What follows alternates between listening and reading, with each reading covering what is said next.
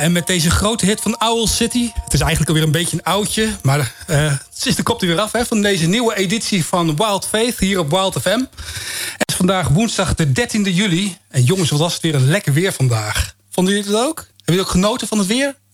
Ja? ja ik heb heel de dag eigenlijk onder de airco gezeten met werk. Dus ik hoop dat de luisteraar heerlijk buiten zit... met een lekker drankje te genieten van de uitzending en, uh, en het heerlijke weer nog. En jij, Wietse? Ja, ik was vandaag vrij, dus ik heb heerlijk aan het water gelegen. Ah, kijk, oh, dus dat, uh, Sorry. Nou, we hebben, we hebben weer twee mooie uren voor de boeg... waarin we gaan praten met een leuke en enthousiaste sportliefhebber... die graag via de sport mensen over Jezus wil vertellen. En dan denk je misschien, hmm, Jezus, wat heeft hij nou te maken met voetbal en basketbal? En wielrennen misschien, maar dat gaat...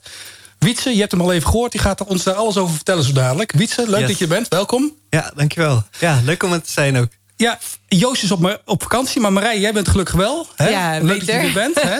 Doe Joost. Ja, Joost nou, is op vakantie, maar we gaan hem straks toch even stiekem proberen te bellen. Um, want hij is jarig vandaag. Maar uh, nou, we gaan eens even kijken of we hem even aan de Spaanse Costas te pakken kunnen krijgen. Uh, de vaste luisteraar van Wild Faith weet het inmiddels. We beginnen de show altijd met het delen van onze dankbaarheidsmomentjes. Marije, waar ben jij dankbaar voor vandaag? Nou, ik was enorm gelukkig uh, met het feit dat ik vandaag mijn websitebouwer aan de lijn had. En uh, de trouwe luisteraar weet dat ik een uh, nieuw boek heb geschreven. Die in het najaar uit gaat komen. Maar ergens deze zomer gaat de voorverkoop open. En uh, komt mijn website online. Dus dat was echt een beetje een geluksmomentje vandaag. Dat ik echt dacht, yes, we zijn bijna live. En nog even en dan gaan we draaien. Dus dat was echt een hoogtepuntje voor mij vandaag. Als jij, ja, ja, ik kan me voorstellen, je zegt, ik lag heerlijk op een uh, handdoekje langs het water. dat is wel één geluksmoment ja. sowieso. Ja. ja. Ja, en ik had eigenlijk mijn geluksmomentje was gisteravond. Toen gingen we, we wonen vlakbij de Harijnse plas, dus een plas achter ons huis.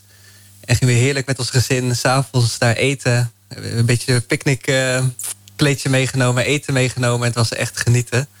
Zo, dat, zijn echt de kleine leuke dingen dat je met elkaar even eruit bent in een andere plek en lekker uh, geniet van het prachtige weer. Ja. ja, dat klinkt wel een beetje als vakantie. Ja, echt hoor. Ja, ja ik moet nog twee dagen werken, maar dan uh, de kids hebben al vakantie, dus dat uh, moet je een beetje op inspelen. En ook gewoon genieten van de dag. Ja. Fantastisch dat je vanavond niet je koffer aan het pakken bent, maar dat je hier zit. Yes. Echt leuk. En uh, Rien, hoe staat het met jou? Nou, ik, uh, over geluksmomentjes gesproken. Ik weet niet of jullie het gisteren ook gezien hebben... maar uh, het, het, beelden van een nieuwe telescoop die de ruimte ingeschoten is... een paar jaar geleden volgens mij al. En die telescoop, de James Webb-telescoop... nou, het is zo prachtig, dat soort plaatjes foto's van het heelal maakt. Nou, dat, dat, ik vind dat echt fascinerend en ik vind dat echt geweldig. En die kwam je gisteren tegen? Nou, die zijn gisteren gepubliceerd. Oh, dus uh, als je op internet even gaat googlen, nou, het, is echt, het zijn bijna schilderijtjes. Je kunt ze bijna ophangen in je huis. Dus uh, vooral iedereen uh, eventjes doen. James Webb, telescoop. En dan googlen en dan, nou, prachtige foto's kom je dan tegen. Ik ga gelijk even kijken zo, ja. ja. nou, we gaan straks even verder uitgebreide diepte met Wietse Bezemer... die ons vandaag komt, uh, alles komt vertellen over uh, nou, Athletes in Action onder andere. Maar eerst is het tijd voor deze plaat van Leland. Wietse, yes. jij bent een sportliefhebber, hè? Ja, zeker weten. Wat is jouw favoriete sport? Favoriete sport is uh, ongetwijfeld voetbal. Ik heb, maar dan moet, wat doe je dan hier in de studio? Dan moet je lekker thuis achter de buis. Want de Oranje Leeuwinnen moeten zo uh, volgens mij voetballen op ja, ja, ja, ja, ik wilde hier zo graag bij zijn. Dus dat, uh... okay. Ja, zet ja. meteen een scherpje aan, denk ik. ja, dat ziet de luisteraar natuurlijk niet. Maar ondertussen ben je gewoon voetbal aan het kijken hier zo. Uh, met een scheef oog. Nou, het zou zo wel kunnen dat je zelf inderdaad naar de Leeuwinnen gaat kijken straks. En met een ander oor luistert naar deze uitzending. Ben je al jong begonnen met voetballen? Ja, ja, ik was echt als kind zijnde al uh, was ik helemaal weg van voetbal. Dus ik, ik weet nog heel goed, ik was uh, vier, vijf jaar en ik zat al uh, echt, echt achter de tv, maar dan moest ik aan bed. Oh, echt? Omdat het al half negen was geweest en ik wilde zo graag de wedstrijd afkijken. En dat zat er helemaal in. En ik heb echt eigenlijk altijd wel gevoetbald. Een paar andere sporten tussendoor een jaartje volgehouden. Maar voetbal bleef toch echt mijn echte passie. En hoeveel blessures heb je gehad door de jaren heen? Weinig. Echt? Ja, ja, ik kreeg wel vaak uh, tikken zeg maar, tegen me aan. Ik was aanvaller. Dus, en ik was vroeger super snel, dus dan uh, werd je vaak even tegengehouden. Maar uh, ja, wonder boven Geen wonder, kniebanden of enkels. ik heb één keer een hersenschudding gehad. Dat ik kreeg een kopstoot van een ander iemand. dat wilde allebei de bal wegkoppen. En toen raakte zijn hoofd heel hard tegen mijn hoofd aan. En toen werd in één keer mijn beeld steeds, steeds smaller. En toen dacht ik, oh, oh, dit is volgens mij niet goed. Maar dat is echt uh, de enige ernstige blessure wat ik heb gehad. En ze zeggen wel eens dat met elke uh, kopbal die je hebt, dat er wel een paar hersencellen afsterven. Ja. Heb je dat ook gemerkt of niet? Ja, daar komen we zo denk ik gewoon terug. Nee. nou ja, dat is misschien wat je wel kent. Ja, zeker. Het teamsporten zijn uh, ja, zeg maar superleuk als je ervan houdt. En daarin ook, uh, ook echt wel uitdagend om gewoon met elkaar ja, dat, dat doel te behalen, zeg maar, het winnen. Merk je ook echt dat dat kameraadschap ook echt belangrijk is met, uh, met sporten als voetbal? Ja, zeker. Ja. ik heb echt uh, veel verschillende teams gezeten, ook op verschillende niveaus. En we merkten ook van. Uh, ik heb ook in een team gezeten waar heel veel individuen zaten die minder echt van die teamplayers waren. En we waren supergoed, alleen we waren gewoon geen team samen. En we waren echt, ergens onderaan in de competitie. Dus dat is, dan merken we wel van je hebt elkaar ook echt nodig. En niet alleen in het veld, maar ook buiten het veld. Van, dat je samen hecht bent, dat je samen gewoon een team vormt. En als er nu iemand luistert en die zegt: Ik geef leiding aan een team. Uh, of dat met teamsport is, of als werkgever of uh, als teamleider. Wat is dan datgene wat je geleerd hebt dat je zegt: Ja, dat is echt de tip vanuit de voetbal over teams, teams bouwen en uh, ja, dat kameraadschap met elkaar? Ja, hele goede vraag. Ehm, ik, denk, ik moet zelf direct denken aan: doe ook leuke dingen buiten het, het sporten om. Dat, dat merkte ik zelf altijd in mijn teams waar ik in heb gezeten. Van juist buiten het sporten om. Gaan we een keer bowlen met elkaar of voetbal kijken. Dus juist de dingen buiten sporten om. Daar bouw je echt relaties op met elkaar. En dat, uh, dan merkte wel dat heeft ook impact voor het team zelf. Om samen hechten te worden. En uh, ja, te, te, vormen tot een team. Ja.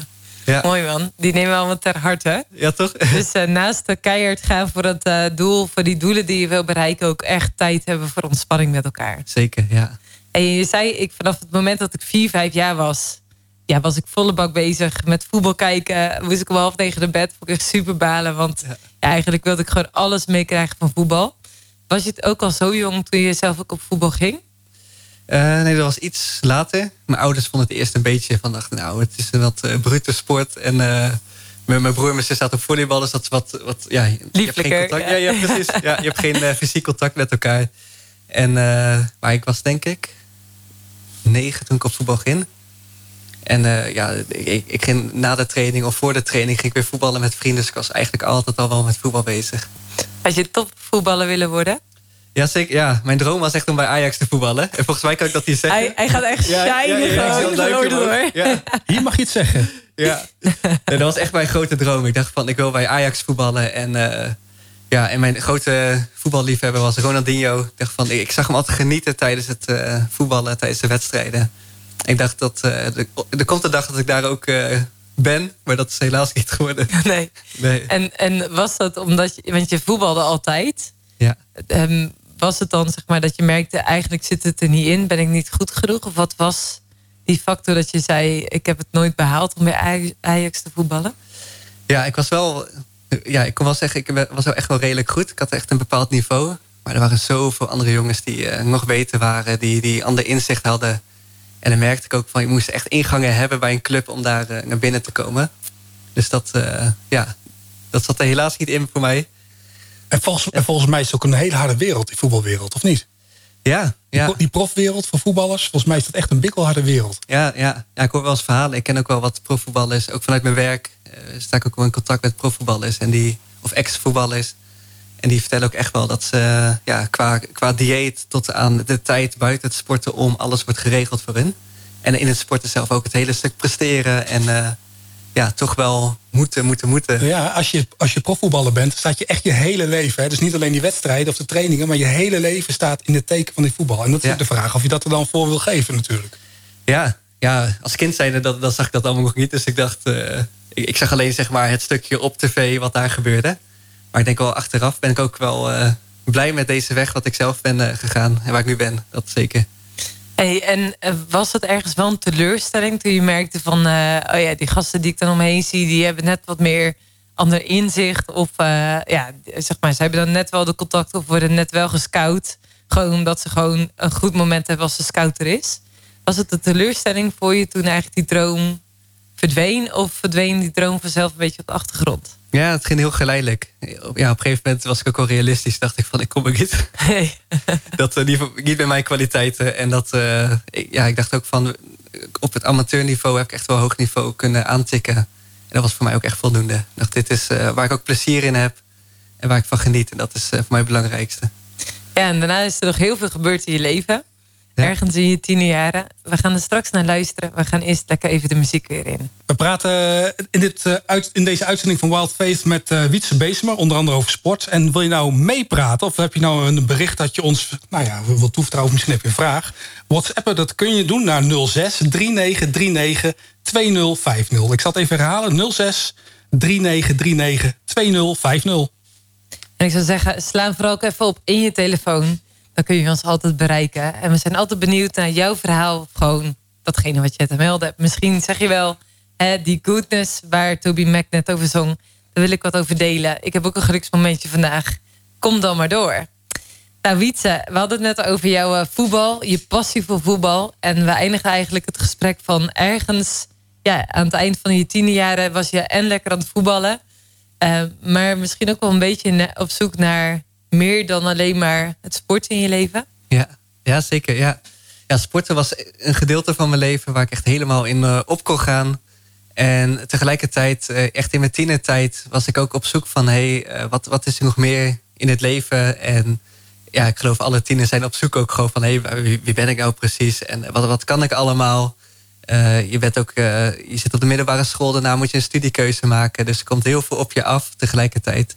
En dat je ook wel aan het nadenken bent van... hé, maar wat wil ik in mijn leven? Waar wil ik naartoe? En uh, ja, in, in mijn tienertijd was ik daar ook heel erg naar op zoek. En tegelijkertijd, ik ben super nieuwsgierig ingesteld. En als, uh, vooral met tienertijd was ik ook heel benieuwd van... hé, wat is er nog meer in het leven? En uh, ja, ging ik eigenlijk op ontdekkingsreis. En wat ging je allemaal verkennen?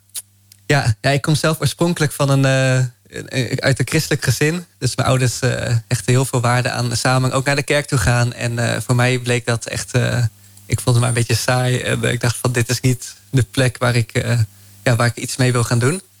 Um, en vanuit mijn voetbalteams had ik echt heel veel soorten vrienden die ja, helemaal niet gelovig waren. En die juist uh, ja, hele andere ja, normen en waarden ook hadden in hun leven. En ook ja, een andere levensstijl hadden. Wat vonden zij dan bijvoorbeeld belangrijk?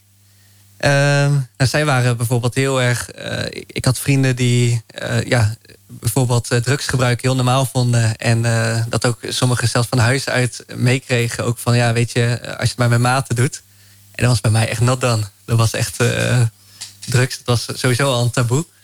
en voor mij was dat ook wel, omdat het een beetje nat dan was, dacht ik van nee, maar waarom precies? En dan ging ik toch vanuit mijn nieuwsgierigheid ook het maar eens gaan proberen van hé, maar wat is het nou precies? En ja, en, en dat was voor mij wel echt een, uh, ja, een, route in mijn leven geweest. Waar ik steeds meer in ontdekkingsreis ging. Van hé, hey, oké, dan heb je drugs. En op een gegeven moment, je, je kreeg een bepaalde kick van. En uh, ja, ik, kreeg ook steeds meer andere vrienden om me heen. Ik dacht van hé, er komen steeds meer mensen uh, op de plekken waar wij aanwezig zijn.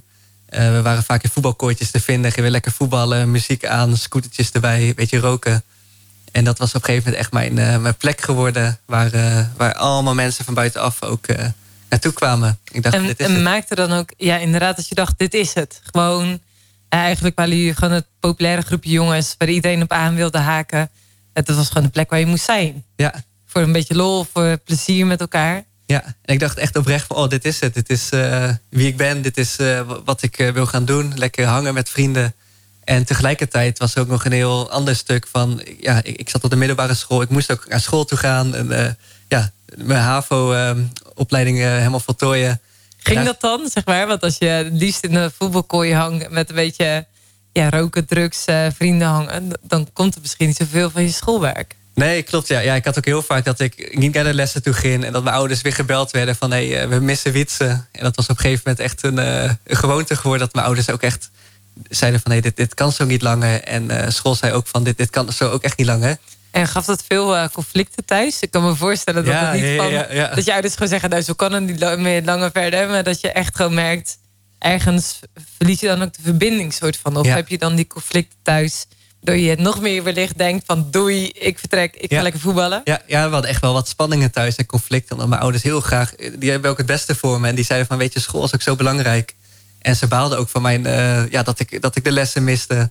Uh, dat ik andere keuzes maakte. En dat zorgde voor spanningen thuis. Waardoor ik echt dacht van... hé, hey, ik, uh, ik heb een vluchtweg, een uitweg nodig. En dat was de plek op het voetbalveld, de voetbalkooi. bij mijn vrienden daar. En merkte je dan ook, zeg maar... je zei, ik was ook aan het experimenteren met drugs. Ja. Werd het dan ook een beetje iets waarvan je merkt... oh, als ik dan drugs gebruikte of als ik ging roken... of gewoon daar was, dan, dan werd ik even niet geconfronteerd met die narigheid thuis? Ja, ja het was echt een, eh, ja, even een moment weg van de realiteit waarin ik in zat. eh, om, ja, om me goed te voelen. En dat, dat was een, ja, een uitweg van huis. eh, terwijl ik het thuis echt goed had. En dat, dat, ja, ik, ik had het eigenlijk ook, als je kijkt voor wat ik allemaal thuis had. Dat, en heb nog steeds natuurlijk. Van dat is een, een mooie warme plek. En toch merkte ik ook van buiten een bepaalde prestatiedruk. Van oké, je moet je opleidingen ja, gewoon goed afmaken. Eh, je moet goede cijfers halen. Je, moet aanwezig zijn.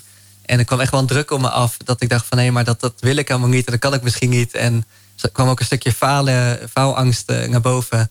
Dat ik dacht van hé, hey, ik wil me ja, wegvluchten naar de plek. Naar een andere realiteit. Een soort van tweede leven eh, wilde ik gaan creëren voor mezelf. Om daar juist ja, mezelf te, te zoeken, te kunnen zijn, dacht ik. Ik denk dat veel mensen zich erin zullen herkennen. Of in ieder geval jongeren om zich heen kennen die, waarvan ze wel eens zorgen hebben. Dan kan je, hadden je ouders wel zorgen om jou? Ja, heel veel. Ja, ja.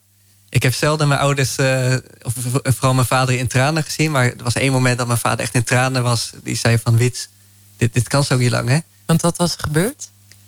Ja, ik had, eh, doordat ik zeg maar ook ervoor zorgde dat ik niet naar school ging. En ik had ook nog een baantje ernaast. Eh, maar ik, ik wilde zo graag bij de voetbalkooi aanwezig zijn. En mijn vrienden ontmoeten. Dat ik heel veel leugens ging vertellen. En dat ik echt een ja, tweede leven leidde.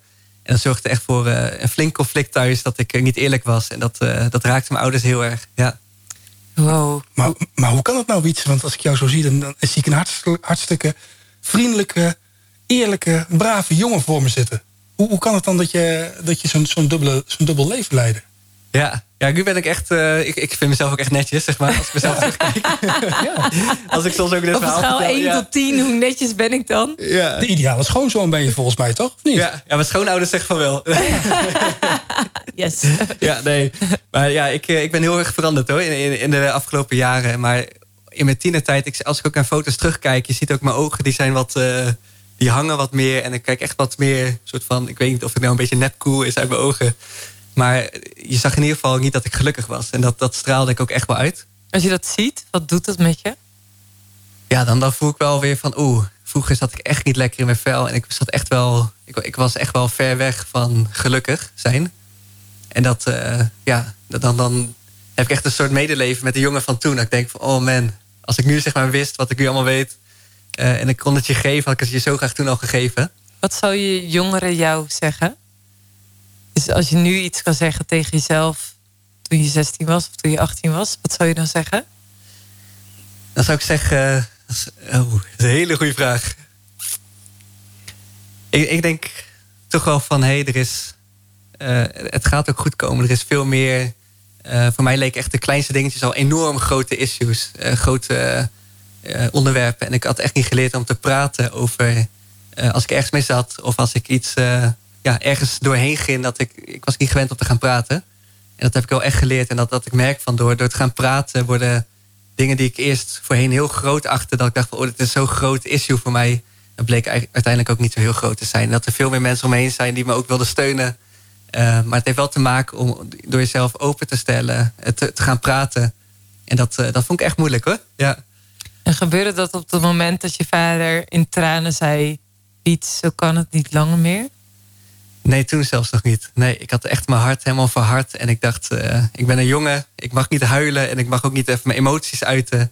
Um, ik had een bepaald beeld daarvan. Ik weet ook niet waar dat vandaan is gekomen.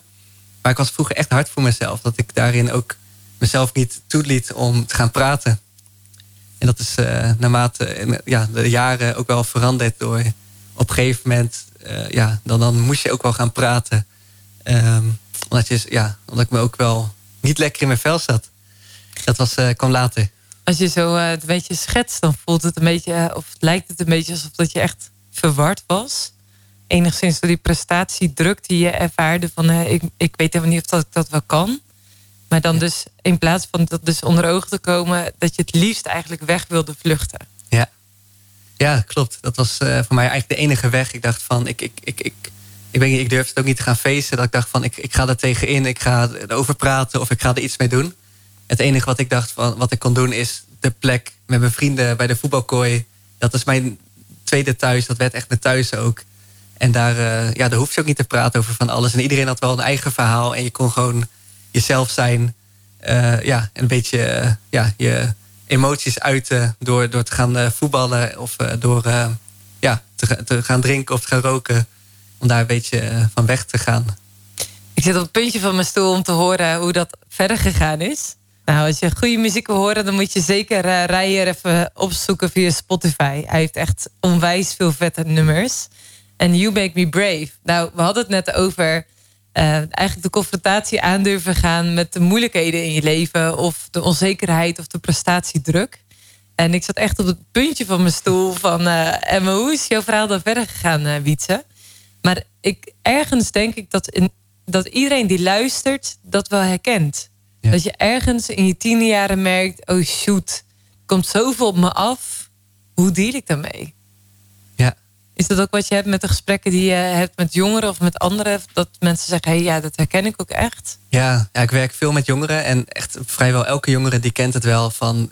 ook in deze maatschappij zijn we zo opgericht op te, moeten presteren. En er is zoveel om je heen wat er, ook, uh, wat, er allemaal op je afkomt... en wat je allemaal kunt gaan doen. En uh, ja, vooral tieners zijn nog zo in ontwikkeling ook van zichzelf. En dat, uh, dat, dan merk je wel dat er zoveel jongeren zijn die ja, eigenlijk een soort van kortsluiting kun je wel zeggen krijgen. Van oké, maar wie ben ik, wat ga ik doen? En dat, uh, ja. Maar hoort het er ook niet gewoon een beetje bij, bij die fase? Hè? Dat iedereen inderdaad dat heeft. je bent niet echt een kind meer, maar eigenlijk ben je nog wel uh, een kind. Je bent ook nog niet volwassen. je, je weet niet wat voor studie je moet gaan doen. Je weet niet nou ja, hoe het leven zich voor je gaat ontvouwen. Dus het is een hele verwarrende tijd. Hoort het er ook niet gewoon een beetje bij? Dat iedereen daar op meer of mindere mate mee te dealen heeft? Ik, ik denk het ergens wel, hè? ja. En iedereen gaat er ook weer anders mee om. Uh, iedereen heeft ook weer de keuzes van hey, welke, wat kies ik wel, wat kies ik niet, welke, welke kant ga ik wel of niet op. Uh, en het is ook wel een hele mooie periode als ik ook om, bij mezelf terugkijk van wat ik in die tijd allemaal heb geleerd. Want het was echt niet allemaal makkelijk en ik zat echt wel diep. En tegelijkertijd heb ik daar, als ik nu ja, naar terugkijk, van zoveel uh, van opgestoken, zoveel van geleerd ook. En dan kan ik ook weer anderen mee helpen. Want wat heb je geleerd?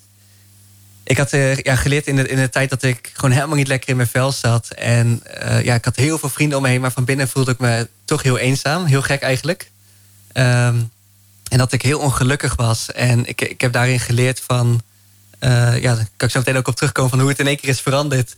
maar dat ik er niet, nooit alleen voor stond. En dat, ja, dat, dat, dat, dat ik zoveel meer in me heb om te kunnen gaan doen... dan ik op dat moment zelf dacht. En dat, het, dat er altijd een uitweg is. Dat heb ik wel echt geleerd. Zo, wauw. En nu ben ik natuurlijk reuze benieuwd. Wat heb je dan geleerd? En wat, hoe heb je dat dan ontdekt? En wat was dan die, ja, die uitkomst die je daarin zag? Ja, ik zal, het is een heel verhaal, maar ik zal het kort houden. vanwege de tijd. Maar ik ben uh, zelf op in 2014 had ik een uh, tussenjaar genomen. Ik had een aantal uh, studies geprobeerd om te gaan volgen. Dat was allemaal helaas niet gelukt. je hebt, ja, ik wist ook überhaupt niet welke studie ik wilde gaan volgen. Ik had allerlei soorten studies, drie studies gekozen, hele andere richtingen. En alle drie had ik ook geen motivatie om daarmee verder te gaan. Een soort van, een soort van keuzestress. Van uh, ik ga dan dit maar doen en dan dat maar doen. En dan... Ja. ja. je hebt ook tegenwoordig zoveel soorten studies. Echt meer dan 500 volgens mij wat je kan volgen. Ja, je kunt, uh, ik heb een uh, coachpraktijk waarin ik jongeren zoals jou dan help om de juiste studiekeuze te maken. En per niveau kun je 1600 verschillende studies kiezen. Kijk, ja. Dat is meer dan 500. Echt, ja. de keuze is reuze dat is fijn inderdaad om iemand te hebben die even van buitenaf kan meekijken. Die kan zeggen van hé, hey, hier ben jij volgens mij goed in, hier liggen jouw passies. En uh, ja. Want uh, na die derde studie, wat zeg maar, nam je een tussenjaar? Wat ja, ging je doen? Dat ik een tussenjaar genomen en toen dacht ik van weet je wat, ik ga lekker een heel jaar werken. Ik ga daarna een vakantie boeken naar Curaçao. Uh, er waren een paar vrienden van mij die, die werkten daar. En ik dacht van oké, ga ik daar naartoe. En dat is lekker zo'n feesteiland. Ik zat helemaal in het feestleven. Ik dacht dat is echt geweldig. En dat is eigenlijk ook als ik op terugkijk waar we net over hadden, een stukje een, een, ja, wegvluchten van de realiteit. En uh, ja, tegelijkertijd dacht ik ook van oké, dan heb ik zo'n mooie feestvakantie geboekt. Dan wil ik eigenlijk ook iets goeds doen voor andere mensen om me heen. Dus ik wilde vrijwilligerswerk gaan, uh, gaan doen. En puur eigenlijk voor mezelf, omdat ik, omdat ik dacht van oké, als ik een ander help, dan voel ik mezelf misschien beter en goed. En uh, ja, toen ben ik via via uitgekomen dat ik heel erg van sporten hou. Uh, kwam ik uit bij Athletes in Action. En dat is een uh, christelijke sportorganisatie. En zij hadden reizen naar, uh, naar het buitenland om juist ja, met kansarme jongeren, jongeren die het echt niet breed hebben, om te gaan sporten, om ja, ook de liefde van God te delen met hen. Maar jij had helemaal niks met God, zei je. Nee, nee, zeker. Dat heb ik zelfs nog gestuurd ook. eh, Van, ik, ik wil heel graag mee. Brazilië, geweldig. 2014 tijdens het WK. En eh, ik dacht van, dit is echt een droom eigenlijk eh, die, die voor me uitkomt. Om daar te mogen zijn. Je gaat ook helemaal shinen. Ja, ja, alleen ik had helemaal niks met God, met geloof überhaupt niet. En eh, toch zeiden ze van, weet je, we hebben nog een plekje over. Kom gezellig mee en eh, je bent welkom. En eh, tijdens die reis, eh, omdat het een christelijke organisatie is... het ook heel erg over de liefde van God. En ze wilden de liefde van God uitdelen. En voordat ik het kon uitdelen, ja, raakte, het, raakte het mezelf heel erg... dat juist er een God is die mij gemaakt heeft. Die mij de waarde van mij ziet. Die niet ja, zegt zeg maar van, hé hey, de keuzes die je hebt gemaakt...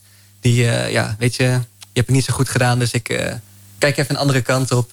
Of eh, ja, de, ja, dat je ongelukkig bent. Ik kan er niks mee doen. Maar dat, dat God mij speciaal heeft gemaakt. met, met ook een, een plan. En ook met een waarde die niet verandert. Die niet minder wordt. die ook niet meer wordt. Dat ik gewoon altijd dezelfde waard ben. En dat, dat raakte mij zo tijd- tijdens die reis. Dat ik echt dacht van... Hé, hey, dit is iets wat ik helemaal nog niet kende hiervoor. Omdat ik juist dacht van... Ik moet iets doen om geliefd te zijn. Ik moet iets doen om die waarde terug te pakken. En dat, eh, dat ontdekte ik juist. Van dat ik er helemaal niets voor hoef te doen. Maar dat dat juist is... Ja, dat God dat al heeft gegeven. En als het goed is, hebben wij nu contact met Spanje. Klopt dat? Ja, zeker Rien. Een hele goede avond. Een hele goede Hier eh, avond, vanuit Joost. de Sunrise, vanuit Costa de Mar. Ja. Luister eens, Joost, speciaal voor jou. Daar komt hij dan. Ah, daar komt hij. Want je bent jarig natuurlijk vandaag, Joost. Nou, ik, het is mijn oudejaarsavond Oh, eigenlijk. het is hier. oudejaarsavond. Oh, je bent morgen pas jarig. Dus we zijn eigenlijk een beetje te vroeg. Dus moet zijn de eerste. Moet ik eigenlijk de muziek weghalen natuurlijk. Maar hey, alvast ontzettend gefeliciteerd. met je verjaardag. Dankjewel. Hoe, hoe oud ga je worden, Joost? Nou, ik eh, ga de leeftijd van... eh, 50. eh, eh, nou, nou, nou, nou. Gelukkig blijf ik nog een beetje jong met 45. Kijk, goed man. Ja, ja we gaan Route 45 inslaan eh, morgen. Hey, en hoe is het om Jan eh, je verjaardag te gaan vieren op de Spaanse Costa's? Nou, dat heb ik dus nog nooit gedaan. Ik ben al in Frankrijk, in Oostenrijk, in Duitsland, in Nederland, België jarig geweest, maar nog nooit in Spanje. Dus dat is morgen. eh, eens even kijken of dat zonnetje net zo goed eh, schijnt als vandaag. eh, met een zonnig dagje in ieder geval. Maar dat is het in Nederland waarschijnlijk ook. Ja, het is hier heerlijk zonnig, eh, Joost. Je had helemaal niet op vakantie hoeven gaan voor een beetje zon. ja, ja, ja, ja, dat is waar. Ja. Maar ja, goed, we zitten helemaal in het eh, Spaanse leven hier. We lopen mee met de locals, eh, lekker laat eten. Dus we zijn net eigenlijk pas klaar met het diner. En ja, dat heb ik met drie dames thuis die willen shoppen. Dus we lopen nu nog door een, een heel druk straatje hier. Maar het is wel een bijzonder mooi vestingstadje waar we op bezoek zijn geweest vandaag in de Bloedwitte. Nou, prachtig. Ja, ik, en en mis, je, en mis je nou op deze woensdagavond ook een beetje Wild Faith? Of eh, hoe zit dat?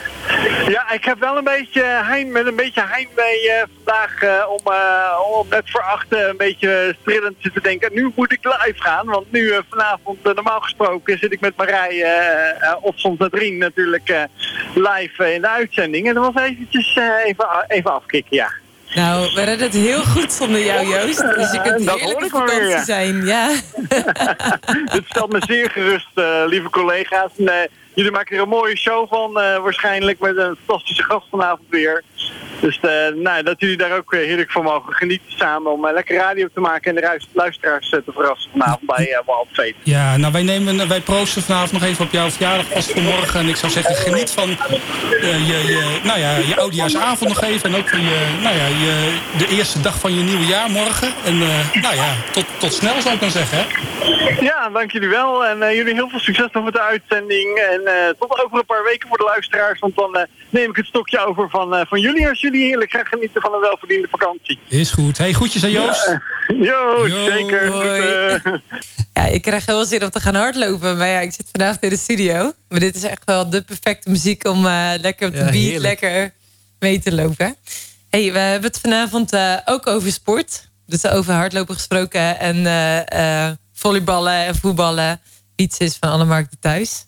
Hey, je vertelde net over 2014, Brazilië. Elke voetballiefhebber die denkt... ja, Brazilië 2014, ik weet het nog. Ik weet nog zo goed, ja. ja. Voor jou was het ook onvergetelijk. Jij was in Brazilië en daar gebeurde iets bijzonders. Ja, ja en het eh, bijzondere is dat voetbal echt een bijzaak werd tijdens eh, die reis. Dus dat is al heel indrukwekkend. En uh, ja, tijdens die reis ontdekte ik, uh, wat ik net ook deelde over, over de liefde van God. Wat ik altijd dacht van, oh, dat is heel ver weg en dat is heel algemeen en oppervlakkig. Maar ik, ik, ik, het, het, raakte me echt persoonlijk. Het kwam dichtbij en het kwam echt in me, zeg maar. Zet het je leven op, je, op zijn kop? Ja, zeker. Ja, ja. ja en ik, ik leg het eigenlijk altijd uit aan mensen. Van dat, je kan het ook ehm, vergelijken met een briefje van 50. Als je het helemaal verkreukelt en op de grond gooit en erop stamt en als je dat weer oppakt, dan de waarde blijft precies nog 50 euro. En je kan nog steeds hetzelfde mee kopen als ervoor. En zo, zo zorg ik ook echt dat God zo naar ons kijkt. Dat wij hetzelfde waard zijn. En als hoe kapot we ook zijn, of welke kreukels we ook hebben in ons leven of kennen. Uh, misschien verkeerde keuzes die je zelf hebt gemaakt, of dingen wat jou is overkomen. Waardoor je soms echt denkt: van, oh, ik ben het allemaal niet waard, of ik voel me niet oké. Dat God echt daar dwars doorheen kijkt en jij, jou juist bevestigt in wie je bent, dat je geliefd bent. En uh, dat ontdekte ik tijdens die reis. En dat, uh, het bijzondere was dat ik altijd had gedacht van... oh, je moet dingen gaan doen voor God. Je moet eerst je, je, levensstijl veranderen, andere keuzes maken... om bij hem te kunnen komen. En ik, ik, leerde juist dat God er eigenlijk altijd al was. Ook in de discotheek was hij er al. En God wachtte altijd op een moment, zo'n gentleman... om ja, te wachten totdat ik mezelf ging omdraaien... en in zijn armen zou, zou vallen als het ware. Dat, dat, ja, dat ik eigenlijk daar niets hoefde te doen. Dat hij er altijd al was. En dat het enige wat ik hoefde te doen was te kiezen voor hem. En uh, ja, dat was op een gegeven moment... Er kwam weer vreugde in me terug. Er kwam weer het geluk kwam in me terug. Mijn ogen gingen echt weer letterlijk anders staan. Als je kijkt, vergelijkt met de foto's van vroeger en nu. En toen, zeg maar. Um, vanaf dat moment, waar je, je ziet in één keer weer het leven in mijn ogen uh, terugkomen. En dat was uh, ja, zo bijzonder dat, dat ik dacht van dit is het. Dit is, dit is wie ik ben. En dit is ja, hier wil ik iets verder mee gaan doen. En dat, uh, dat, dat veranderde me echt dat ik dacht van... oh ja, het WK is ook nog in Brazilië. Dat, uh, dat, dat was dan nog een bijzaak. Ja. Hey, maar ergens in het begin van het interview vertelde je van... Hey, ik was heel erg zoekende naar wie ik was. Ja. Maar het klinkt alsof dat je daar in Brazilië... soort van jezelf vond. Ja, ja zeker. Ja. Ja, het was uh, allereerst gewoon ook de bevestiging... in dat ik genoeg ben zoals ik ben. Dat ik goed ben zoals ik ben. Dat ik daar niet iets speciaals voor hoef te doen. Dat was wel echt een hele last die van me afging. Maar ook de, ja, de, de, waar ik helemaal in zat, het wereldje, dat, dat, dat God zoveel, zoiets beters voor mij had. En juist perspectief voor mij wilde geven. Om ja, juist ook datgene te gebruiken waar, waar ik van hou, waar ik goed in ben in sporten. Om, om daarmee ook iets, te gaan doen. En dat was voor mij echt een, uh, ja, een eye-opener. Dat ik dacht van, hè, maar ik kan dus sporten en daar iets met mijn leven mee gaan doen. En dat, uh, ja, dat is wel een, uh, een verandering geweest in, in, in mezelf, maar ook in wat ik mag gaan doen. Ja, wel bijzonder. Stel je voor dat nu iemand luistert en zegt: Ik smacht ook naar die erkenning. Ik worstel met de vraag: mag ik überhaupt wel zijn? Ben ik wel goed genoeg? Of ik heb zoveel kreukels, of ik voel me zo vertrapt door dingen die in mijn leven gebeurd zijn. En je zegt: Ja, het was eigenlijk alsof dat God achter me stond en ik mocht hem in zijn armen vallen. Dat klinkt zo van: Ja, waar als ik me omdraai, zie ik helemaal niemand staan. Ja. Dus zeg maar, hoe, hoe kan iemand dan die zegt: Ik smacht daarnaar? Ik, ik zou ook zo graag willen ontdekken wie ben ik dan? Hoe? Hoe dan? Ja, ja dat is uh, een hele goede vraag. En ik, ik, ik denk ook van. Uh, ik, ken God als een persoonlijke God die voor iedereen er ook op een persoonlijke manier ervoor is. Um, maar dat je ook. Dat, dat ik gewoon weet van als je op zoek bent naar, naar hem daarin. En dat je denkt van hé, ik, ik wil dat eigenlijk ook eens ervaren. Ik wil ook meer weten van wie ik ben in Gods, door Gods ogen, dan zou ik vooral gaan zeggen van spreek het uit. Je hoeft, uh, ja, noem het wel eens bidden. Maar dat is eigenlijk gewoon praten richting God. En zegt oké, ik, ik ben op zoek, waar, waar bent u? En ik, ik, ik zit hiermee dat je ook alles kan, uh, ja, kan uitspreken. Misschien kan opschrijven als dat handiger voor je is. En je zal echt van daaruit, dat was al een hele mooie stap richting hem, denk ik. En dat ja, zou ik ook adviseren. Zoek iemand op die misschien al wel God kent. Om eens samen erover te gaan praten. Van hé, hey, kunnen we samen eens op zoek gaan. En anders kunnen ze altijd van de zomer ergens het Leeds in Action opzoeken. Ja. Om daarin met de sporters als sportende weg wellicht over God te praten. We gaan er straks uh, nog meer over uh, doorpraten. En we hebben een heel tof, vrij nieuw item wat we, waar we straks het tweede uur mee gaan beginnen. En zoals we altijd zeggen, de tijd vliegt voorbij bij Weldveen. Ja, dus straks gaan we verder praten met Wietse Bezemer. Nou, ik weet niet hoe het jou vergaat, maar... Uh, als je nu aan het fietsen was, dan ga je alleen maar sneller fietsen. Of als je aan het autorijden bent, kan het zomaar zijn dat je net iets harder rijdt dan de toegestane aantal kilometers per uur. Maar uh, Hosanna, wat een heerlijk nummer. We gaan heerlijk in de tweede uur starten met uh, een heel tof item... wat we sinds een aantal weken geïntroduceerd hebben. Riet, je neemt ons mee. Ja, Wietse en ik zijn ondertussen zijn we al naar de kelder van het Wild Fem gebouw. En uh, daar staat die Wietse, onze tijdmachine. Wat vind je ervan? Hij ziet er uh, fancy uit. Ja, ja. Shiny, shiny, hè? Hey, ben je er klaar voor? Ja, ja. Zullen we maar eens eventjes de deur open doen en naar binnen gaan? Ja. Oké, okay, komt-ie hoor klinkt in ieder geval heel spannend. Echt hoor. Heb je ook wat van die knopjes? Ik moet ook in alle eerlijkheid zeggen, Witse. Het, dit is voor mij de eerste keer. Dus ik weet niet precies hoe het werkt. Dus ik, we gaan het gewoon zien of we weer veilig terugkomen. Maar uh, ik ben wel heel benieuwd waar jij ons mee naartoe gaat nemen. Ja. Ook mee naartoe gaan. Zeg het maar. Jij ja. mag kiezen. Jij bent de gast vanavond. Ja. We stappen uit en we komen op een plek duizenden jaren terug in de tijd. En uh, er is een plek, we zien een, uh, een man, Samuel, daar zitten. En uh, is een man die, die, die, die praat met God en God zegt tegen hem... hey, ga naar een familie toe. En bij die familie zal ik een nieuwe koning voor het volk in Israël aanwijzen. En Samuel denkt van zo, ik ga naar een familie toe, ik ken niemand. Dus, en God zegt het, laat ik maar op pad gaan. En deze Samuel die loopt door, door de velden heen. Die loopt over de bergen heen, door de dalen. En hij komt aan bij een familie. En hij ontmoet daar de ouders van een, van een heel groot gezin. En hij komt daar binnen en hij zegt tegen hun van... Jongens, ik heb een super bijzondere boodschap. Want ja, God die wil dat er een koning uit jullie familie komt. Jullie gezin, een van jullie kinderen. Die, die ik mag salven zeg maar, tot, tot koning van Israël. Hey, en waarom, er zijn zoveel verhalen in de Bijbel. Waarom, waarom is dit nou precies het verhaal dat jij graag met je eigen ogen wil aanschouwen? Nou, ik vind het een heel bijzonder verhaal, omdat uh, ja, wat daar daarna gebeurt. Van dat, uh, ja, in ieder geval uh, Samuel die, die, die komt daar binnen. En die, die ouders zijn enthousiast. In ieder geval kan me voorstellen dat ze denken: wat? We zijn, er komt een koning uit ons midden, een van onze kinderen. En ze roepen direct al hun kinderen erbij. En alle, alle broers, alle zonen die, die, die komen, die hebben ze geroepen. En de een na de ander die verschijnt. Allemaal van die grote, sterke kerels.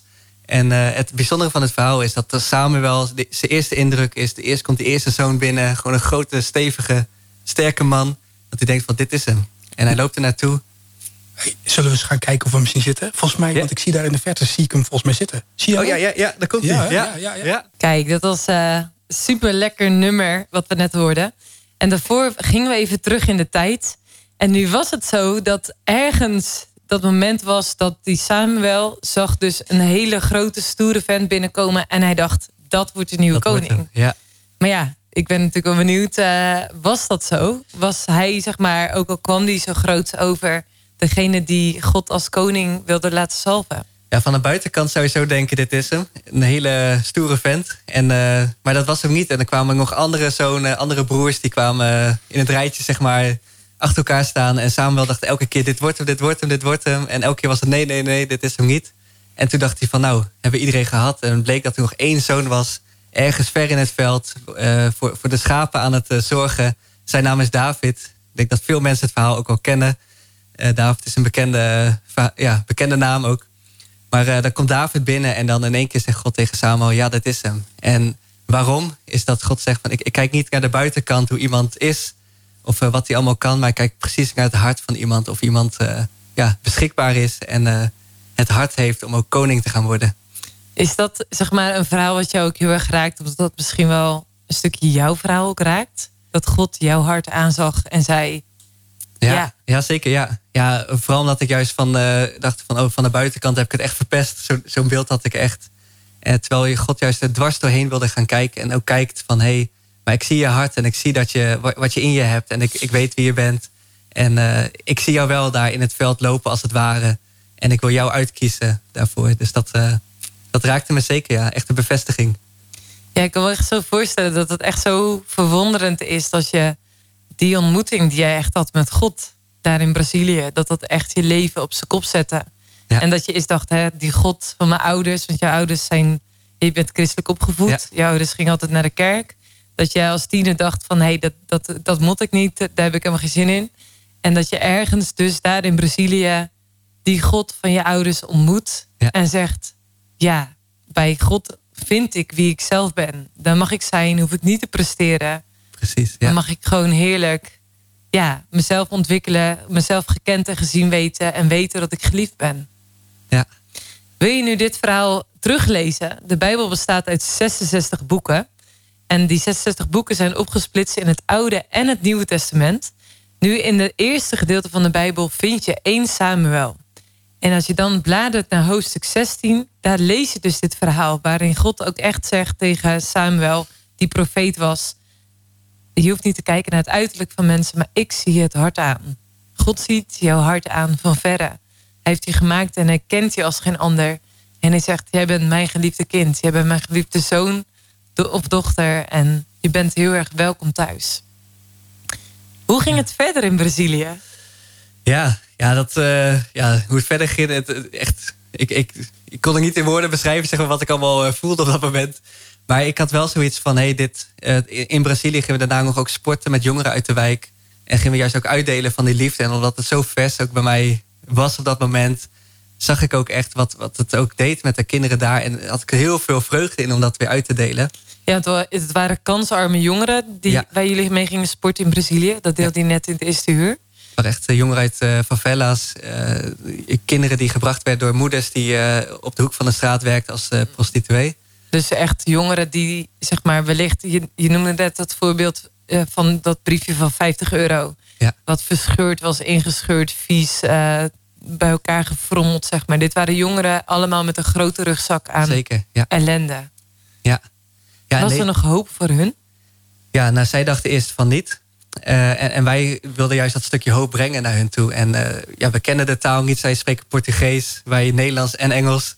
Eh, maar we kwamen daar aan en we gingen sporten met deze jongeren. En we merkten juist dat het sporten juist ook weer zo verbinding had.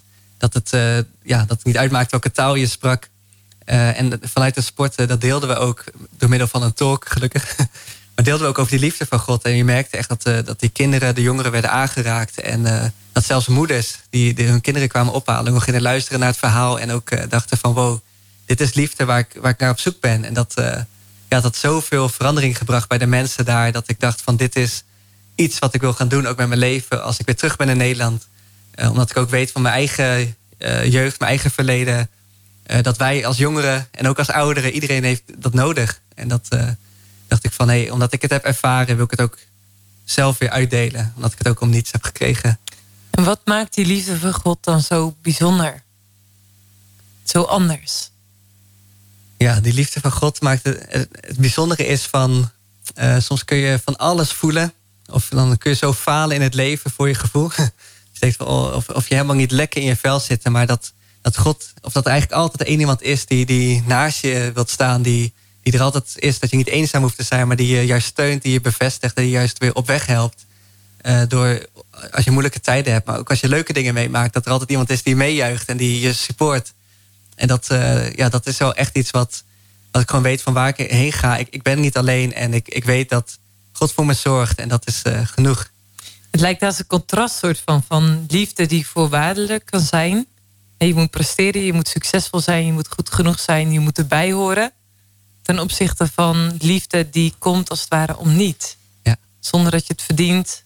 Ook al maak je er een potje van. Ook al ben je niet, niet succesvol. Ook al heb je heel veel meegemaakt. Toch blijf je dan waardevol. Is dat het verschil? Ja, zeker. Ja, ja. En, en wat je ook zegt, daar hoef je helemaal niets voor te doen. Dat is, dat is al gegeven. En het enige wat je hoeft te doen is het te ontvangen en te accepteren in je hart eigenlijk. En dat, eh, ja, dat is zo'n contrast met de wereld waarin we nu leven. Met wat- alles wat er op je afkomt. En dat, eh, dat heeft echt een verschil gemaakt in mijn leven.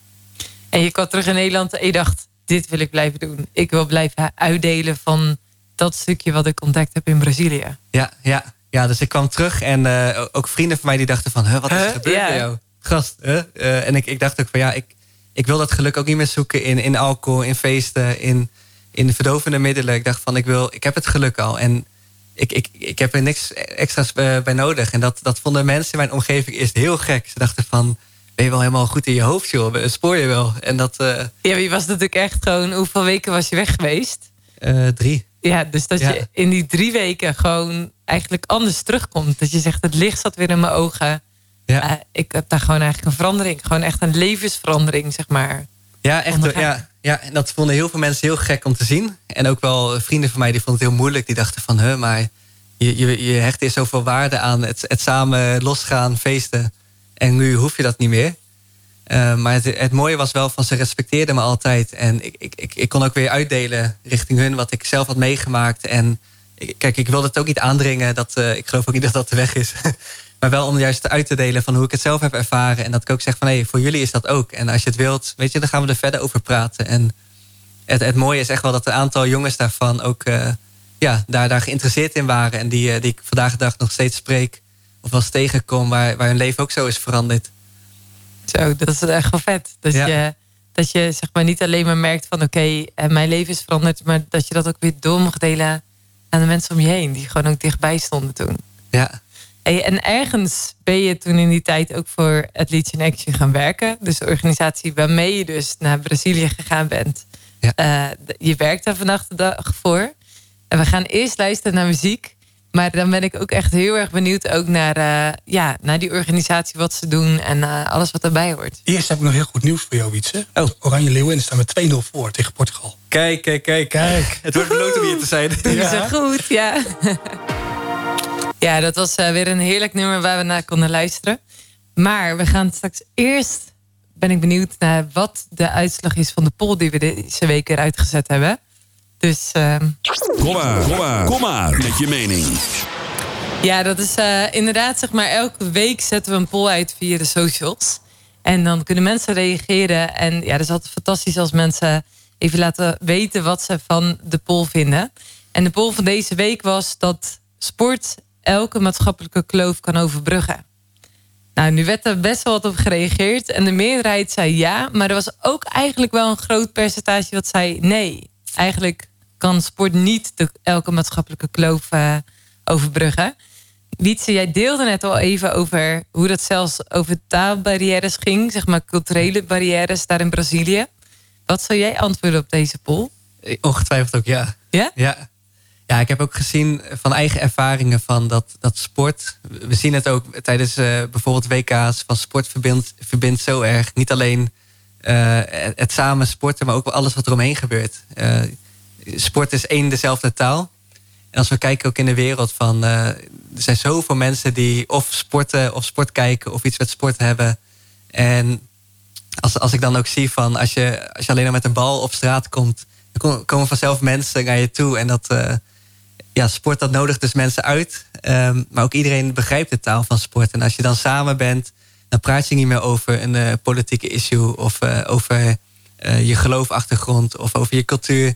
Maar dan is het juist het sport het moment wat je samen doet. En dat, uh, dan vergeet je ook alles om je heen. En dat, uh, dat heb ik ook gezien uit eigen ervaring. Dat ik, ik heb gesport met, met moslims, met mensen die juist echt uh, letterlijk tegen vluchtelingen waren. Terwijl de Syriërs op het veld waren en dat dat, dat samenkwam.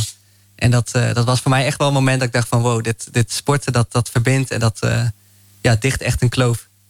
Ja, wellicht hebben de mensen die negen antwoord hebben gewoon helemaal niks met sport. En denken, no way, ik moet niet eens denken aan zo'n bal. En dan achter zo'n balletje aanrennen. En dan ook nog zo'n bal een schop moeten geven. Met oog op een doelpunt te maken. Ja. Um, dus, maar jij zegt van, hey, eigenlijk ontstaat die dynamiek vanzelf. Dat als je met een bal buiten loopt. En je loopt in de wijk. Uh, dan, dan ontstaat er vanzelf interactie met of zonder woorden. Ja. En ook als ik bijvoorbeeld kijk, als je helemaal niet van sport houdt, van als, je kijkt naar een WK of een EK, als het Nederlands voetbal elftal speelt, uh, als ik kijk in mijn eigen wijk, van iedereen, de hele buurt, die gaat naar buiten, hangt slingers op en er komt zo'n scherm buiten. En buren van wie ik eigenlijk nooit iets hoor of spreek, die, die zitten met elkaar in één keer met de armen om elkaar heen en die, die staan te juichen, te springen.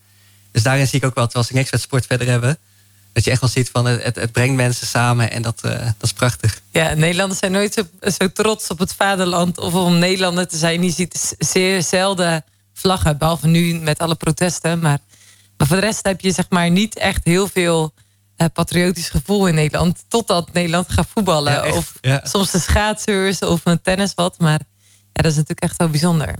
En Athletes in Action. Dat is de organisatie waarmee jij dus naar Brazilië ging in 2014. Eh, je werkt vandaag de dag ook voor die organisatie. Wat is eigenlijk Athletes in Action? Ja, Athletes in Action is een, een christelijke sportorganisatie... wat jouw sport en geloof samenbrengt in één. En wij organiseren allemaal soorten activiteiten voor verschillende doelgroepen. Uh, zoals in de zomer hebben we ja, heel veel sportkampen voor tieners... waar ze een week lang gaan sporten. En ook meer over, over, over God, over Jezus leren. Uh, en ook vriendschappen opbouwen. En we hebben outreaches noemen we het. Dus reizen naar het buitenland... waarmee je de, ja, gaat sporten met, met lokale bevolking. Wat jij bijvoorbeeld deed in Brazilië. Ja, ja. en dat, ehm, dat hadden we in het verleden ook in heel veel andere landen. Maar vanwege de pandemie is het even wat, in, wat beperkt gebleven. En door het jaar heen werken we ook samen met lokale kerken... om juist de kerk te helpen om in hun eigen wijk... Ja, connectie, verbinding te krijgen met de mensen uit hun wijk. Nou, niet zozeer alleen over het geloof te praten... maar juist elkaar weer te zien en die verbinding te zoeken. En ja, gewoon is, is elkaar leren kennen. Omdat we echt wel zien dat sommige kerken... ja, hele hoge kerkmuren hebben letterlijk... Uh, maar dat het soms ook lastig is om, om ja, gewoon even naast iemand te staan... om, om zichtbaar te zijn. En we gebruiken sport daarvoor om juist ja, juist de mensen uit de wijk te ontmoeten, te leren kennen en te, te weten van hé, wat, ja, wie ben je en wat doe je en uh, kunnen we ergens mee helpen. Dus eigenlijk overbrug je dan vanzelf die kloof tussen mensen die in de kerk zitten en die, die wellicht niet zoveel binding hebben met mensen in hun wijk. Ja. Dat bij mensen in de wijk misschien denken, oh die christenen, ja ik weet het niet, misschien vinden ze wat van me of hebben ze een oordeel over me. Ja. En dat juist door dus te sporten of zeg maar dat ze zien dat de kinderen sporten, dat daar dus wel verbinding ontstaat, dat gesprek ontstaat. Ja, klopt. Ja. ja, dus het werkt echt twee kanten op. En dat doen we door ja, verschillende plekken door heel Nederland. En dat, uh, ja, dat is echt, uh, daar, daar ben ik zelf ook het meest mee bezig. En vind ik ook mooi om juist ja, op, in de voetbalkoortjes weer aanwezig te zijn. Om juist de jongeren te ontmoeten. En uh, waar we het net over hadden van alles wat er speelt bij jongeren. Omdat, om daar eens in mee gesprek in te gaan. En juist een, omdat ik ook weet van jongeren hebben ook weer rolmodellen nodig. En ook antwoorden nodig op hun vragen. En het is zo mooi en echt een voorrecht om daar vanuit je eigen ervaring uh, ja, met ze op weg te lopen. En ze ja, even een setje in de goede richting te brengen. Voel jij je een rolmodel? E eerst niet. Um, totdat er echt jongeren naar me toe kwamen die echt uh, positief tegen me op uh, zagen. van hé, hey, je hebt jouw verhaal en hoe jij hier bent, dat jij hier ook je tijd met ons doorbrengt, dat is zo belangrijk voor mij. Een voorbeeld is dat ik een keer was uitgenodigd bij jongeren thuis op zijn verjaardag. Een jongen die vroeger echt heel erg gepest werd vanwege zijn uiterlijk. En hij kwam bij ons op een plek waar hij gewoon mocht zijn wie hij is. Met een nieuwe vriendschappen opbouwde. En hij zei van, hé, hey, ik wilde je eh, uitnodigen op mijn verjaardag. En ik kwam daar thuis en toen kwam die moeder helemaal in tranen naar me toe. Uh, ze bleek ook dat zijn ouders uit elkaar waren. En die moeder die zei van, ik weet niet wat je met mijn zoon hebt gedaan... maar hij, hij, hij straalt weer en hij heeft het over jou... en hij hij vindt je echt een hele toffe gast. En het is zo bijzonder dat hij een rolmodel heeft zoals jij. Dus dat was voor mij echt wel dat ik dacht van... Jongen, uh, dat besefte ik eerst helemaal niet. Maar nee, dat... is heel tof. Maar het is ook best een hele grote verantwoordelijkheid... die je dan, uh, die, die je dan in één keer hebt, als het ware. Ja, ja, ja zeker. Ja. En nu is het ook wel belangrijk om bewust te zijn van... Ja. wat zeg je wel, wat zeg je niet. Um, ook wel van, hey, heeft het uh, toegevoegde waarde voor zo'n jongere of niet? Hoe, hoe ik doe of wat ik van iets vind. Dus dat het, het, heeft een grote verantwoordelijkheid. En dat, dat moet je wel inderdaad weten van tevoren. Om daar goed mee om te gaan. En ook de juiste ja, dingen te zeggen. Ja, het is, uh, ik zie het vooral ook als een groot voorrecht. Van een grote verantwoordelijkheid en een mooi voorrecht. Ja, ik moet denken aan een uh, podcastopname die ik met Cor van Houwelingen ooit had. Hij was uh, ook betrokken bij Athletes in Action. Of eigenlijk bij Ubabalo. Dat is iets wat in Zuid-Afrika is ontstaan. Ook met voetbal om juist ook door middel van sport ook het gesprek over levenslessen aan te gaan. En gewoon ja, gewoon over het leven te praten met jongeren. En hij zei ook van de reden dat het mij zo heel erg raakt om met dit aan de slag te gaan, is dat er zoveel kinderen zonder vader opgroeien. Of die hebben misschien wel een vader, maar die vader is afwezig. Of mm. die vader is niet echt in beeld of niet betrokken in de levens van de, van de jongeren. Terwijl je dat eigenlijk nodig hebt. En hij voelde echt ja, de drang om daar een rolfiguur in te zijn. Om als het ware een beetje een vaderfiguur. En voor hem was het ook, ja, hing dat samen met God die zichzelf ook laat zien als een vader. Dat hij echt dacht, ja, hmm. hoe mooi is het als ik een stukje van Gods hart als vader laat zien aan de jongeren die ik tegenkom. Herken je dat ook? Die vaderloosheid misschien wel? Ja, ja zeker. Ja. Ja, en het, het, lijkt wel steeds meer toe te nemen, helaas. Ook in ons land, in Nederland. Van, er zijn zoveel jongeren die wel uh, vaders hebben, maar die inderdaad, wat je zegt, afwezig zijn. Uh, hun ook niet bevestigen, maar juist ja, eh, ja, negatief beïnvloeden. Of ze het doorhebben of niet. Misschien komen zij ook weer natuurlijk vanuit een, dezelfde achtergrond. hebben zij misschien ook geen vader gekend.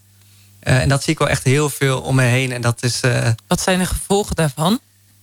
de gevolg is denk ik wel dat, dat ze, als ze laten opgroeien tot volwassenen, dat ze op een gegeven moment zelf ook een man zijn of vader worden en uh, niet de verantwoordelijkheden nemen richting hun kinderen en richting de mensen om zich heen. En daarin echt wel keuzes maken die nare gevolgen kunnen hebben voor hun omgeving en voor hunzelf. En dat, ja, dat ze een heel ander pad gaan bewandelen dan ja, wat, wat goed voor ze is. Wat zou je de vaders willen zeggen? Je bent zelf ook vader. Ja. Wat zou je elke vader mee willen geven als die, zeg maar, ook richting zijn kinderen? Oeh, ja. In ieder geval wat ik altijd probeer is om altijd beschikbaar te zijn voor, voor je kinderen. Om, om ook prioriteit te stellen van oké, weet je, soms komt heel veel op je af, maar maak ook echt tijd voor je kinderen. Wees beschikbaar. Uh, wees er niet alleen als je er fysiek bent, zeg maar, dat je naast de tv zit, maar echt beschikbaar. Dat je zegt van hé, hey, dat je ook eens een keer met hun gaat praten. Soms even apart neemt, even quality time. Uh, opnemen. En om daarin ook uh, ja, je kinderen te leren praten. Van hé, hey, uh, hoe is het nou echt met je? En ja, daarin tijd te investeren. Misschien de beste tip. Pak een bal, ga naar buiten, ga even ravotten of ga even stoeien met elkaar. Ja, ja doe ik wel met de kids. Lekker stoeien en dan even alle energie eruit. En dan het mooie is ook wel, vaak komen dan toch wat verhalen naar boven. Als ze ergens weer zitten of juist wat ze willen delen. En dat is een heerlijke combinatie. Ja, ja, dus juist de spelvorm en vervolgens komt dat gesprek vanzelf? Of ja, je hoeft het echt niet kun je te forceren. Ja, nee. Super mooi. Ja. Hoe denk jij dat dit, uh, dat dit nummer heet, uh, Marije? Of Marije? Ja, het klinkt, het haakt heel erg aan op het gesprek wat we hebben. Dat God ons kent, zeg maar. Dat hij weet wat je bezighoudt. Dat hij weet wat er door je heen gaat. Dus het zou vast wel zoiets zijn, ja. Wat God, was het? God only knows. God only knows. Hoe kan het ook anders, hè? Ja. ja dat is, eh, vind ik wel heel tof, hè. Want uiteindelijk is dat wel een beetje wat jij, eh, Wietse, ook deelde tijdens eh, het interview wat we vanavond hebben. En als je nu pas aanhaakt, ik zou zeggen, luister zondagavond, want dan uh, komt uh, Wietse nog een keertje voorbij. Dan kun je heel het interview nog een keertje luisteren. Of luister een van onze podcasts, want eigenlijk deelt elke luisteraar hetzelfde. Dat God weet wie je bent. En dat God je kent en zegt, hey, ik hou van jou. We hadden het net over uh, vaderloosheid in deze maatschappij. En hoe Wietse, ook vanuit de organisatie Athletes in Action, daar juist ook van betekenis in wil zijn. Door te gaan sporten met gasten, van betekenis te zijn, een rolmodel te zijn, zoals je net zei. En uh, eigenlijk de impact ook van vaderloosheid, ja, daar hadden we het net even over. Ja. Um, kun, je, kun je ons nog eens meenemen in verhalen met jongeren? Dat je zei van, hé, hey, eigenlijk als ik dan die gastjes van 12, 13, 14, 15, 16 jaar ontmoet in die uh, voetbalkooi. Ja, dan raakt het me ook wel, omdat ik zie wat er dus eigenlijk gebeurt. Ja, ja en dat wat je zegt, de vaderloosheid is zo'n zo'n item vandaag de dag. Wat je ziet gebeuren. En een uh, concreet voorbeeld is, ik heb een tijdje in Rotterdam gewerkt. Bij Delfshaven, weet je, de achterstandsbuurt in Rotterdam. Uh, onder de ja, Marokkaanse tieners. Echt een prachtige groep om uh, samen mee te, te, sporten, te voetballen. Ze zijn vast erg fanatiek. Heel fanatiek ja. en ook supergoed. Uh, het is ook echt, iedereen heeft zo'n winnaarsmentaliteit. En het was ook zo genieten om daar te zijn en om, om ja, de jongeren te leren kennen. Um, en tegelijkertijd zag ik ook de realiteit van waarin ze opgroeien. En dat, ja, dat, dat ligt echt parallel met, met zeg maar de vaderloosheid. Dat, dat de jongeren, of tieners zelfs, van 12, 13 jaar kwamen met een mes in een, een broekzak. Um, eentje had een mes mee en die, ja, die moest hij inleveren. Want ik dacht van... Uh, oh, ja, straks als hij uh, boos is, dan... Ja, maar hij heeft, toen hij zei van... Ja, maar ik, ik wil graag wel mijn mes terug zo meteen. En ik zeg, ja, maar hoezo dan eigenlijk? Ik ben wel benieuwd van wat, waarom heeft hij een mes mee? En hij gaf aan, hij had ook een klein stukje van zijn oor, die was kapot. En hij gaf aan dat hij vorig jaar, of een jaar daarvoor... was hij in elkaar geslagen en was hij ja, mishandeld en nu uh, neemt hij elke keer een mes mee, echt puur uit zelfverdediging. Dat ik wel dacht van zo, dan ben je twaalf jaar en dan uh, heb je zoiets heftigs meegemaakt. Uh, dat is dan één verhaal. en, en de oplossing was om, om een mes mee te nemen en zo hard mogelijk terugsteken als er wat gebeurt. Ja, dat is ook wel een beetje de cultuur volgens mij onder de jongeren. Ik heb laatst keer een documentaire gezien, ook over wapens. En ja. dat ze zeiden, ja, maar als ik geen wapen bij me heb, pakken ze mij. Dus ik moet wel een wapen hebben. Zeg maar echt de Die onveiligheid van denken. Want ze voelen zich ook echt onveilig. Omdat je weet nooit wie je op straat tegen kan komen. Vooral als ze een beetje bezig zijn met uh, nou ja, dingen die je misschien beter... Uh, nou ja, risicogedrag. Waarvan je weet van, oh ja, shoot. En, maar dan zeggen ze ook vaak, ja, maar als ik straks ouder ben... dan ga ik een normaal leven opbouwen. Dat kwam ook zo terug in die documentaire mm. van... weet je, nu eh, ben ik een beetje drugs aan het lopen of geld aan het verdienen of nou ja, bezig met dingen waarvan ik denk, nou, dat blijf ik niet altijd doen, maar straks stap ik er wel uit, alsof dat dat straks nog kan. Ja, ja en ik denk vooral die, op die leeftijd, dan, dan denk je nog niet zo ver weg. denk je van, nou, het, het gaat zo meteen wel weer over. En daarin was ook één jongen die had, een jongen van 13, die kwam met een uh, heel stapeltje met briefjes van 50. En uh, dat was denk ik wel bijna 1000 euro bij elkaar. Van op die leeftijd al, zeg maar daarin, dan weet je van, dit is niet helemaal koosje. Ik heb kranten rondgebracht. Hey, maar, maar Wiets, wat, wat, als zo'n gozertje jou aangeeft van... joh, ik wil mijn mes straks weer terug. Wat heb je gedaan? Heb je het mes ook daadwerkelijk weer teruggegeven? Ja, ja dat wel. Toch wel? Ja, ja. ja, het is ook wel... We zijn er niet vanuit, vanuit de gemeente zelf dat we daar werkzaam zijn. Uh, weet je, we willen ze ook respecteren in, in hoe ze uh, leven. Um, maar wel daarnaast... Kijk, ik gaf het mes terug. En daarnaast ook echt wel meegegeven van dit is, dit is niet de oplossing. Um, en het mooie was wel van die jongen kwam de week daarna weer terug. En daarna weer. En... Mm -hmm het vertrouwen wat ik uh, had gegeven door het mes weer terug te geven, was zo groot dat hij mij ook serieus nam. En ook ja, de liefde die ik wilde uitdelen van God de Vader, uh, dat hij dat ook serieus nam. Dus de volgende keer nam hij dat mes, of dat mes liet hij dan thuis? Hij nam het weer mee, maar gaf het direct aan oh, mij. Kijk. Dat, uh, ja. Raakt het je dan ook? Pittig, dat je ziet Ja. van dat ze zo vertrouwen stellen in veiligheid zoeken, in dus wapens of dus in uh, geld verdienen of in drugs lopen of in status of wat dan ook. Uh, dat ze daar, misschien herken je daarin jezelf wel. Wat je deelde in het eerste uur van hè, ik wilde er zo graag bij horen. Uh, ik zocht zo die verbinding op met, de, met leeftijdsgenootjes in Ja. die voetbalkooi en dan met drugs te experimenteren. Maar ergens was ik heel erg zoekende naar wie ben ik. Is dat eigenlijk ook ten diepste wat je dan dus terugziet bij die gastjes? ja, ik denk het wel. Ja. Ja, dat is echt als je ze één op één spreekt, dat zijn echt schatten van jongens. Dat, uh, met, zo'n mooi hart. En dan, dan hoor je ook de verhalen achter de voordeur van waar ze vanuit zijn opgegroeid. Een vader die inderdaad veel weg is. Uh, soms ook echt wel een, een, een harde opvoeding. Dat ik denk van het is ook niet gek dat je zo deze keuzes maakt. En dat je nu hier bent ja, gekomen met, met, met, met je hele rugtas. En, en dat raakt me wel. Dat ik ook gewoon weet van ja, je wilt hem alles geven, alle liefde geven, alle, het leven geven wat, wat die jongen nodig heeft. En dat, uh, ja, dat, dat, dat kun je niet alleen. En dat, uh, het mooie is wel van om daarin de, de liefde van God als vader te kunnen delen met de jongen. Om dat, juist dat stukje te vullen in zijn hart, wat hij zo hard nodig heeft, die bevestiging. Uh, en dat, ja, dat is. Soms gaat er een hele, hele lange tijd overheen. Soms zijn ze er ook helemaal niet open voor. En dat is prima. Dat, maar ik weet wel van binnen van uh, ik, ik, ik blijf ervoor gaan voor de jongens. En uh, er komt de dag dat ze ervoor open zullen staan. Het is echt heerlijk om je passie zo te zien en te, te ervaren. Nou, zeg je nu van hey, ik wil meer weten over die organisatie Elites in Action. We komen zo bij je terug om je daar alles over te vertellen. Over hoe je kunt ontdekken welke organisatie dat het is. Niets, hè? De, de, de Oranje Vrouwen hebben, hebben een tegendoelpunt gekregen. Dus het is 2-1. Oeh, spannend. Oeh, ja, spannend hoor. Ja, zweten hier. ik, uh, ik was wel benieuwd wat uh, de huidige stand was. Dus dankjewel Rien voor ja, de update. Yes, dankjewel. Ja, toch mooi hè, dat we zo trots mogen zijn op die uh, Leeuwinnen. We zitten hier met een voetbalfanaat aan tafel. Die zijn avond op wilde offeren, op, wilde offeren om met ons in gesprek te gaan over het leven, zijn leven. En ook wel hoe dat wellicht door voetbal heen hij eigenlijk een ommekeer had in zijn leven.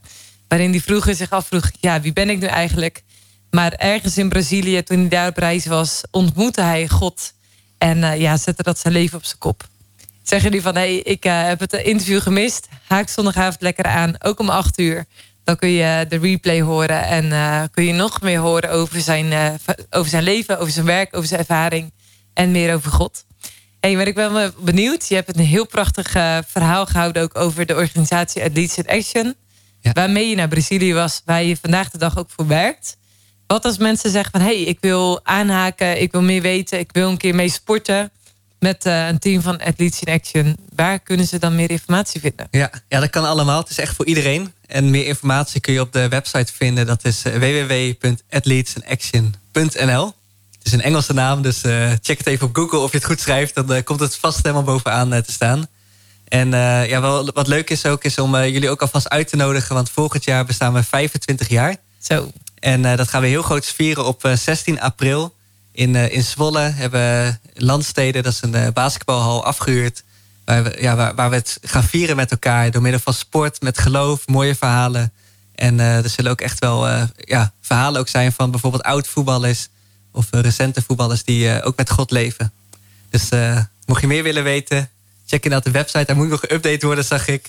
Er zat nog het oude event in, maar dat komt één deze week. Ja, dat heet het Family Event. Het Family Event, ja. Het is voor families van jong tot oud, ouders, kinderen, iedereen. Ja.